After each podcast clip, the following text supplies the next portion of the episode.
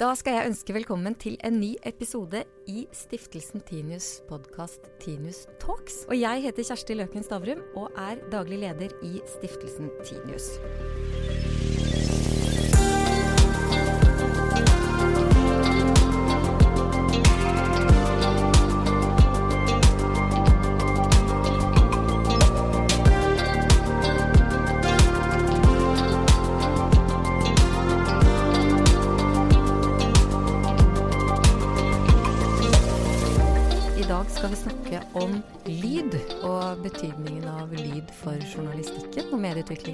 Og vi skal kombinere dette med det som forkortes som AR, eller augmented reality, som ingen nødvendigvis skjønner med en gang, men som ofte forklares som utvidet virkelighet. Og med meg til å gjøre det har jeg Eirik Helland Urke, som er multimediaansvarlig i Teknisk Ukeblad. Velkommen. Og Marius Olsen, som er direktør i Skipsted med ansvar for teknologi og plattformer. Siden vi skal snakke om lyd, så er det jo veldig opplagt kanskje å begynne med podkast, som vi sitter og spiller inn nå. Hvorfor eh, er podkast, Marius, blitt eh, litt sånn hot nå?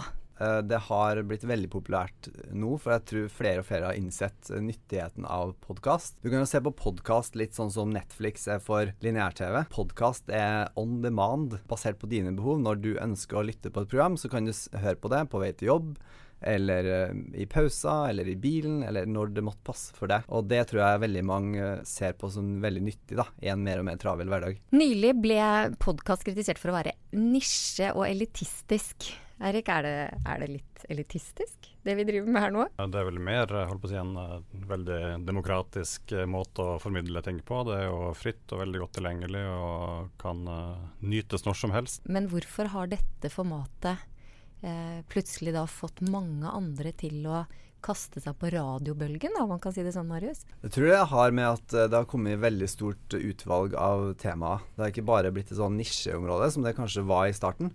Men det har blitt eh, podkaster innenfor veldig mange ulike tema. Du kan både finne dine nisjer på det du er spesifikt interessert i, men også veldig mye nyhetspodkast som både lanseres fra New York Times, er veldig populær, Aftenposten, VG. Det er, det er veldig mange nå som kaster seg på den bølgen da, for å få en nyhetsoppdatering på det generelle bildet også, som, eh, som treffer veldig bredt. Men det er jo ikke noe penger i podkast, Eirik. Det er i hvert fall et veldig ferskt format, akkurat som internett hadde i, i sin tid. Og jeg tror de fleste bruker det nå for å på en måte utforske formatet, for å vise fram sine egne greier, sitt egen merkenavn og sin egen kunnskap, og så tar det litt derfra. Nei, og da lurer jo jeg på, med den erfaringen vi etter hvert har med digitalisering av mediene, om, om redaksjonene nå nok en gang gjør en jobb for de internasjonale plattformene og fyller podkastplattformen til, eh, til Apple f.eks.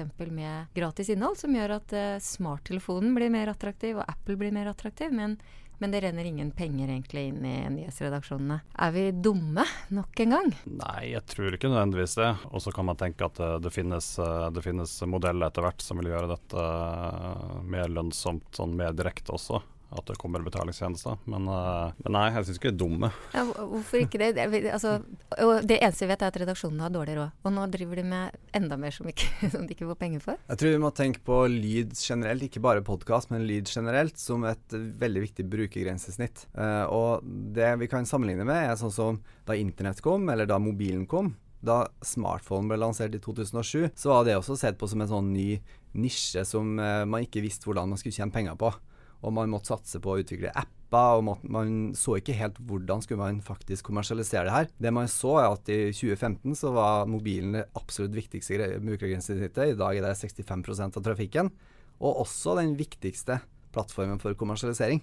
Det tok noen år før man var der, og man måtte prøve og feile underveis. Men etter hvert så kan man finne eh, måten man faktisk kommersialiserer på. Og selv om det ikke er helt tydelig akkurat nå, så ser man masse tester på hvordan man kan få sponsa podkaster, man kan få reklameavbrekk osv. Og, så og det kommer sikkert til å komme nye måter å kommersialisere på i de årene som kommer også. Ja, For å ta det helt åpenbare, da, hvorfor er det ikke en plusstjeneste på podkasten? Så Når du tegner et abonnement på f.eks. The Daily da, til New York Times. New York Times tar jo betalt for innholdet sitt eh, når det er tekst. Hvorfor kan jeg ikke betale når jeg begynner å abonnere på The Daily? Eh, Podkaster er jo lagt opp på sånne åpne plattformer akkurat nå, men det finnes også eksempler hvor man er bak en betalingsmur. Et av de eksemplene er The Economist, eh, og jeg skal innrømme at jeg abonnerer på The Economist pga. deres lydtjeneste, hvor jeg kan få lest opp artiklene på appen min på vei til eller fra, eller fra jobb. Eh, og det er noe jeg er villig til å betale for, og du får bare tilgang til det hvis du faktisk betaler et premium-abonnement. Og Det tror jeg vi kan se mer av også hos uh, nordiske medier i årene som kommer. Mm. Podkast er lyd, men, men, det vi virkelig venter på nå, er jo Alexaene, som, som vi får tro at kanskje står på julegavelista til en del i, i, år. Er det en device du allerede er godt i gang med, Erik? En Google Home som gjør det samme, eller Google sin tilsvarende tjeneste, har vi hatt hjemme nå en liten stund. Så er det litt sånn av og på hvor mye vi bruker det. Vi bruker det til musikk spesielt, og vi bruker det når vi sitter rundt uh, middagsbordet og, og, har en diskusjon. Så får vi veldig ofte faktisk riktig svar fra Google Home. Og da må vi foreløpig spørre på engelsk, og så får vi et svar. Og veldig overraskende ofte så får vi et godt svar. Hva med deg, Marius? Jeg har både Alexa og Google Home, for jeg testa begge to. Jeg er nok mest mest tilhenger av Alexa foreløpig. Fordi? Jeg syns den gir bedre svar og er bedre integrert mot uh, bl.a. Sonos og TV-en min og en del uh, ting som er viktig for meg da, å styre med tale. Hvordan bruker du den ellers da, sånn i, i hverdagen? Jeg bruker nok til konkret tre tre ting som jeg syns det er veldig nyttig for. Det er å skru av på lys. Eh, skru av for bryteren er så veldig, veldig komplisert. ja, det kan du si. Det er ikke så, det er ikke så tidsbesparende, kanskje, men eh, det er i hvert fall et bruksområde som jeg syns er praktisk. Og du kan skru av alle lysene i hele huset samtidig med én talekommando. Det er én ting. Andre ting er at du kan skru av på TV, f.eks. Eller du kan sette på en spesifikk sang på eh, musikkanlegget. Akkurat det med å skru på TV-en må jeg innrømme at det hadde vært en kjempefordel. Jeg har ennå ikke skaffet meg det.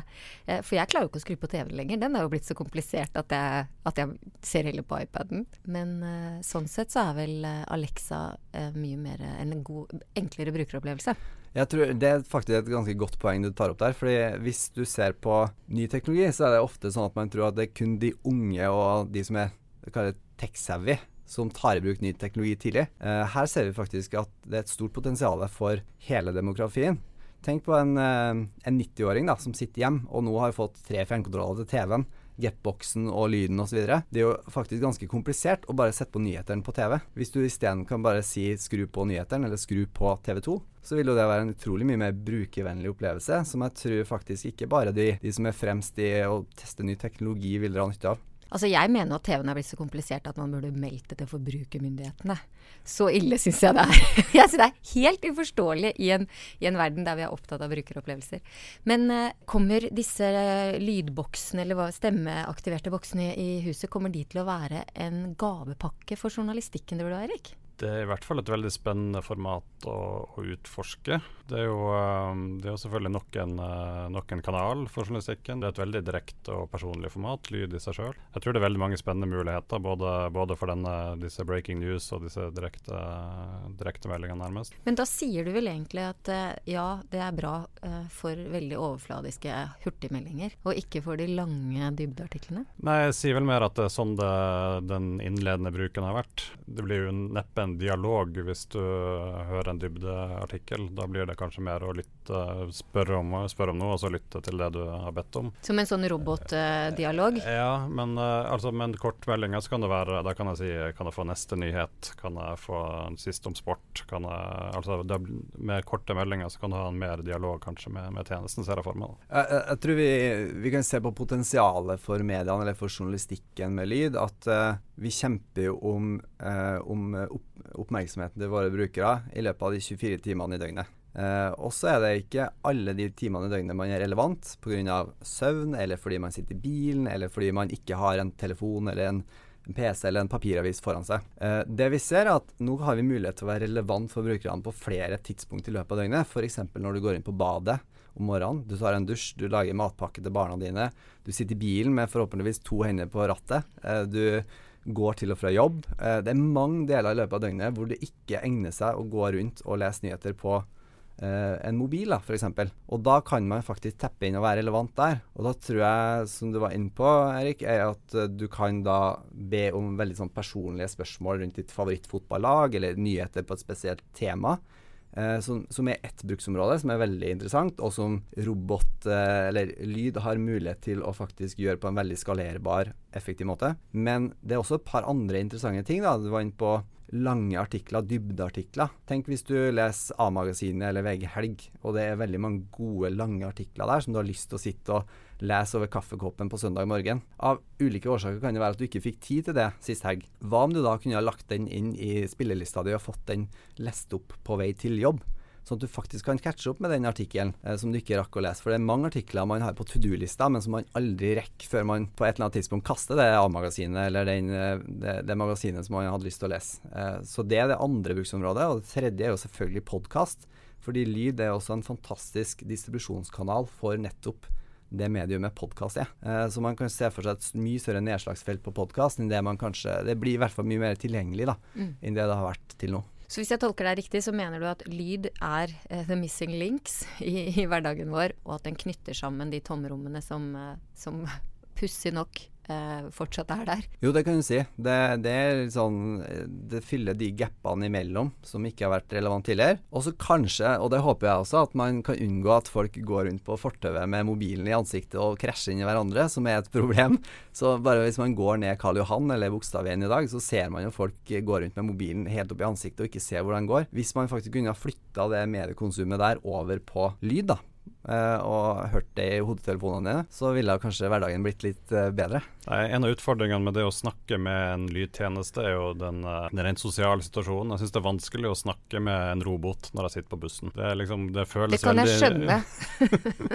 det føles veldig unaturlig, og det føles kanskje naturlig for andre, men, men det å snakke til en robot syns jeg det fungerer best hjemme, og det fungerer kanskje best i en bil der du kan ha en, ha, en, samtale med roboten din, og også fordi at det kan være en ganske personlig tjeneste. Det kan jo være særinteresser du er interessert i. eller sånt. Det er et uh, godt poeng du tar opp, men la oss spore tilbake til tidlig 90-tall, da, mobiltelefonen kom. Så var det faktisk, uh, hvis du satt på en buss og det kom inn en person og snakka i mobiltelefon, så så du ganske rart på den personen også. Det var ganske awkward å gå rundt og snakke i en boks uh, rundt i, i, det offentlige rom. og det har vi blitt veldig fort vant til, for det har blitt veldig vanlig. Så det kan godt være at det her også modnes med tida, at det her blir mer vanlig.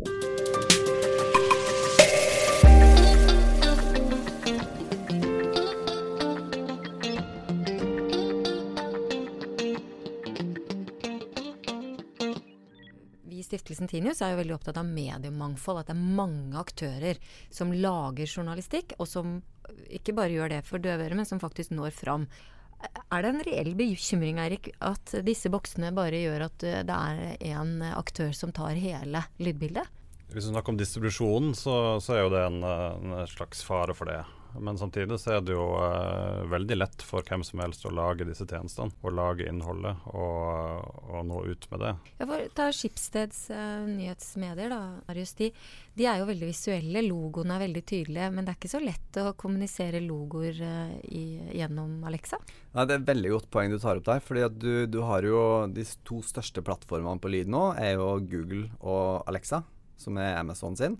Uh, og de to har jo da veldig mye makt ikke sant? for å bestemme hvilke, hvilke medier som gir deg nyhetsoppdateringer f.eks., eller sportsresultatene, eller søker på det produktet du ønsker å kjøpe. Og for nyhetsmediene så tror jeg det er viktig at man lærer opp brukeren til å ikke bare be Alexa om hva er siste nytt, men å faktisk spørre Aftenposten hva er siste nytt? Eller spør VG hva er siste nytt? Eh, og dermed da bygge det, den merkevaren og de brukervanene, sånn at du faktisk spør spesifikke merkevarer om hva du ønsker å få tilbake fra de spesifikke merkevarene. For hvis du tar, drar parallellen tilbake til da internett kom og søkemotoren, så handla jo alt om å være på første resultatside på Google. Hvis du ikke var på første side, så var du out of business. Eh, og så begynte jo folk å betale for å komme oppover på den lista. Men du måtte ikke nødvendigvis være nummer én, men du måtte være høyt opp. Nå må du være nummer én. Fordi hvis du spør hva er siste nytt om eh, Rosenborg, hvis du da ikke er hit nummer én der, så er du eh, usynlig. Og da kommer du ikke frem. Ja, nemlig. For du trenger jo ikke å vite det resultatet fra flere aktører enn én. Det er jo Nei, en del riktig. ting som det faktisk holder. Hvor var det det var jordskjelv i går? Indonesia. Da har du fått det svaret, da, f.eks. Ja, og hvem er det som gir deg det svaret? Er det en seriøs uh, medieaktør, eller er det en blogg, eller er det en useriøs uh, fake news-site, ikke sant? Uh, det her er jo et, et tema som er ganske hett. og jeg tror vi må passe på at vi lærer opp brukerne til å faktisk spørre spesifikke medier og merkevarer om det vi ønsker. Men når du da har en, en sånn boks, da, som jeg kaller den, eh, som, som, står i stua, så er det jo ikke bare det at den svarer når du spør, men den står jo faktisk og lytter. På, på ting den egentlig ikke har noe med å, å, å lytte til, Eirik. Eh, er, er det greit? Det handler jo litt om hvordan en behandler data etter hvert. da, og Det har jo kommet fram at uh, det er kanskje ikke alt som er like greit med måten f.eks. Google lytter i rommet på. Måten de prøver å løse, på det, løse det på, er å bruke et signalord. Et, uh, altså du sier 'Hei, Google' eller Alexa eller et eller annet. Det morsomme er at når jeg sier dette nå på, i podkasten, så vil det antagelig starte en eller annen prosess i de tusen hjem. Men uh, men, uh, men, du har et sånt signalord, og da skal den lytte. Det er liksom sånn det skal fungere. Også i praksis så lytter den kanskje litt mer enn den, burde. Eh, en ting er at den egentlig skal aktiveres ved et eh, signalord, Marius, men, men, den står jo faktisk og lytter for å lære seg å bli bedre til å forstå stemmer også, så den er jo faktisk satt opp til å ha ører på en annen måte. ja, og her tror jeg det er veldig viktig for Amazon og Google og Apple også, som har Siri, som, som også satser på lyd, at man har tillit til måten man faktisk behandler den uh, dataen på. Fordi hvis det, den merkevaren da, i de selskapene eh, får en skramme fordi man bruker det på feil måte, sånn som vi har sett Facebook med Cambridge Analytica-saken, så kan det være utrolig skadelig for de selskapene. Vi ser jo ikke de helt store forflytningene av brukere etter uh, f.eks. nyheter om at Google leser mailen din og Cambridge Analytica, som du sier. Så tillit har jo litt sånn Det er jo litt pussig hvilke hvilket fravær av, av, reaksjoner vi ser. Jeg tror eh, Vi diskuterer det her veldig mye i Skipsted. Hvordan skal man bruke data på riktig måte? og hva er greit og ikke greit. Og Her er jo folk veldig forskjellige. Noen er utrolig åpne for å dele data, og noen er veldig privat på sin data. Og Det skal vi ha respekt for. Det er en sånn magisk uh, formel som du kan si at hvis du gir en nytteverdi eller en bruksverdi som er høyere enn nedsida eller risikoen det medfører å gi fra seg den dataen, eh, så er det OK. Så Du må bare passe på at du gir en god nok brukeropplevelse, en god nok nytteverdi til brukeren, som gjør at brukeren føler at det er OK at jeg gir fra meg den stemmedataen, eller at det er lokasjonsdata eller andre datapunkter da, i, som oppleves som veldig privat, eh, hvis du får noe igjen for det. Eh, Eirik, du har jo akkurat eh, skrevet bok om det neste steget fra lyd som som forkortes AR, men uh, som står for augmented reality, og som gjerne oversettes med utvidet virkelighet. Hva er det vi må skjønne med AR som kommer til å være relevant for oss som mediebrukere? Nei, AR i seg sjøl innebærer uh, kort sagt at du legger til digitale elementer inn i virkeligheten foran oss. Altså det kan være, det kan være gjerne i samspill med, med det vi ser foran oss. Og i første omgang handla det om uh, gjerne å se på en mobilskjerm. Du, bruker, du løfter opp mobilen, uh, ser gjennom kamera, og så kommer det, dukker det plutselig opp uh, digitale elementer her. da. Sånn som filteret på Snapchat? Nøyaktig som filteret på Snapchat. Den er, den er veldig, veldig godt eksempel. For den gjenkjenner ansiktet ditt og legger til digitale Som museører ja. og festlige neser og sånn? Ja. ja. Men har det noe verdi for journalistikken? Marius? Ja, man ser jo flere og flere tester og, og eksperimenter med augmented reality eller AR, på, i journalistikken nå. Eh, et konkret eksempel som, ganske, som, var ganske nylig, er jo den gruveepisoden i Thailand, der man redda det fotballaget ut av det gruva. Laga New York Times en artikkel på, hvor New York Times da visualiserte hele redningsaksjonen, hvor dramatisk den var, med selvfølgelig bilder og grafikk, sånn som man gjør i vanlig journalistikk. Men det man la på i tillegg, var en helt ny dimensjon med augmented reality. Eh, og det man gjorde da, er at man, man, kunne da plassere i sin egen stue den smaleste passasjen i redningsaksjonen. Eh, sånn at du kan se med dine egne øyne og plassere handa di foran for å se hvor trangt var det faktisk der de måtte gjennom. Og da får du en helt ny dimensjon av, av historiefortelling som kan være utrolig sterk i journalistikken. Og på enkelte saker så kan det her eh, endre måten man forteller en historie til brukeren på, og få frem historien på en mye mer levende måte. Det var jo et veldig godt eksempel, for nå kjente jeg at jeg ble så engasjert i den at jeg også kunne godt tenkt meg å teste og krype gjennom den, eh, den passasjen selv. Er dette veldig kostbart, Eirik? Ja, Det spørs om man har den riktige kunnskapen, de riktige, riktige verktøyene. Men uh, det handler gjerne om å kunne behandle 3D-materiale, altså 3D-modeller, og, og, bruke dette i, um, og utvikle dette videre med hjelp av f.eks. Unity, som er en sånn spillmotor, der du egentlig det samme som du lager dataspill med. Man trenger litt kunnskap om de, de tingene som man antagelig ikke har i alle mediehus i dag. Hvilken framtid spår du uh, for denne type virkemidler i uh, formidling av journalistikk? Jeg tror ikke vi skal tenke på AR som en sånn som erstatter måten å skrive artikler på. Det blir nok hele en tilleggsdimensjon der det er relevant. Men det kan være relevant innenfor veldig mange uh, områder. Det kan være relevant innenfor vanlig historiefortelling. Du har en ny runde med Orderud-saken. Det kan være kjempeinteressant å faktisk visualisere eh, åstedet, objektene, eh, på en helt ny måte, som gjør at du forstår saken mye mer levende og får et mye mer engasjement rundt saken enn det du klarer å, å få frem bare ved tekst og bilder. Eh, så Det er ett eksempel. Du kan tenke på det innenfor sport, som at du kan vise idrettsutøvere eller hendelser eller teknikk i skisport f.eks., eller en Formel 1-bil for å se ulike elementer av en Formel 1-bil med dine egne øyne for å se hvordan utstyret fungerer. Eh, men også eh, innenfor motebilde, rampelys f.eks., så er det jo hvis det er en slottsmiddag, så analyserer man gjerne antrekkene til gjestene. Det kan man også vise på en helt ny måte med augmented reality. Eller hvis man eh, hvis, Hvordan da? Dress og bunad f.eks., som man skal bruke til 17. mai eller et fint, uh, fint høytidsarrangement, så ville man da ha mulighet til å vise alle Norges bunader i 3D, sånn at du kan se dem med egne øyne og faktisk uh, få et inntrykk av hvilken bunad er finest, eller har ulike elementer, basert på de 3D-modellene som man kan lage ut av det. Og det trenger ikke være så utrolig kostbart å lage 3D-modeller. Det høres veldig kostbart ut, skjønner du, men det er ikke det.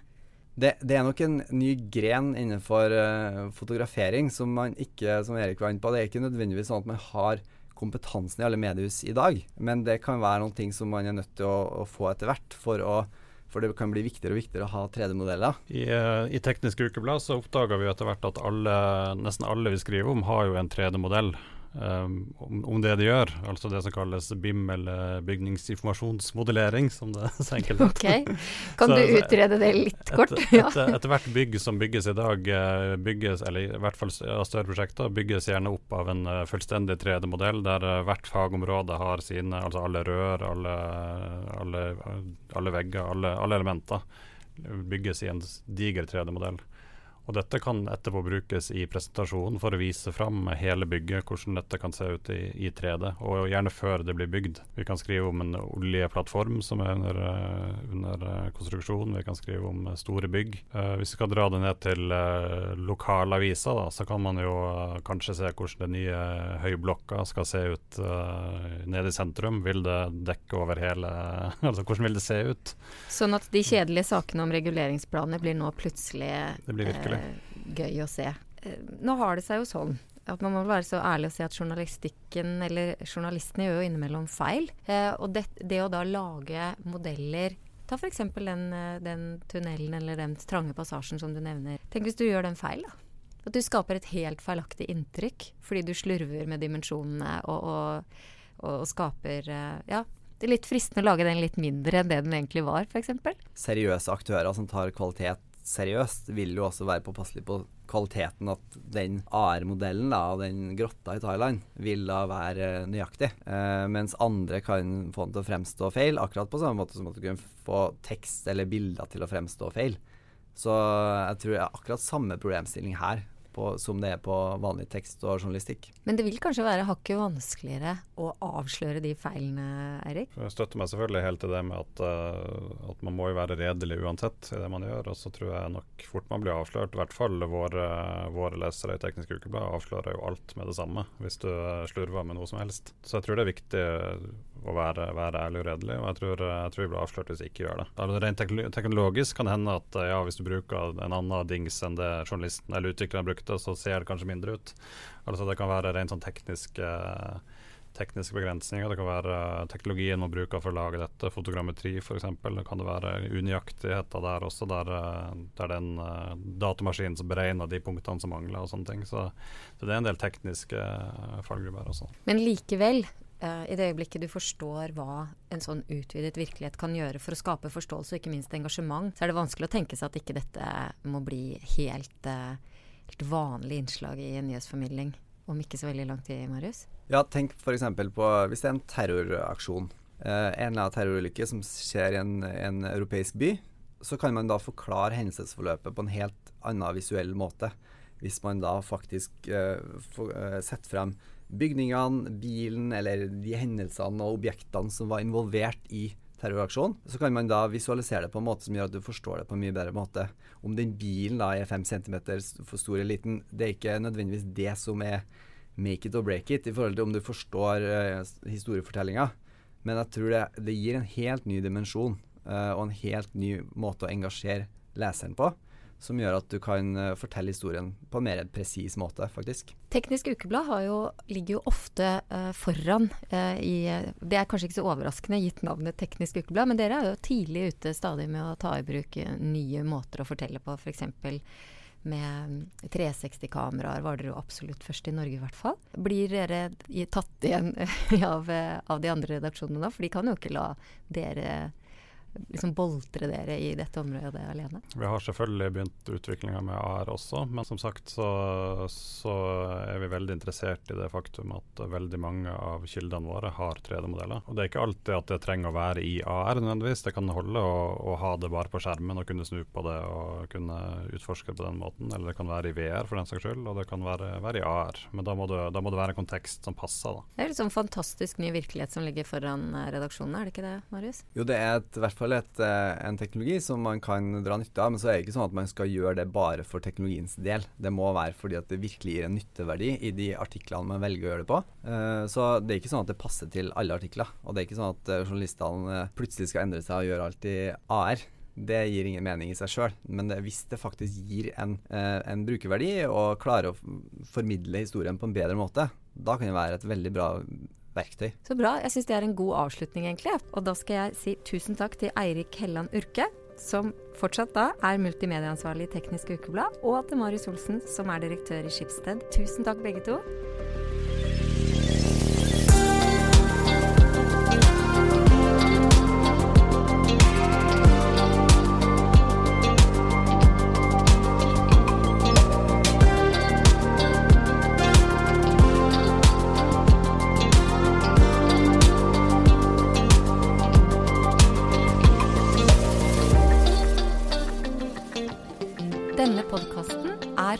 Produsert av Hansine Korslien for Stiftelsen Tinius.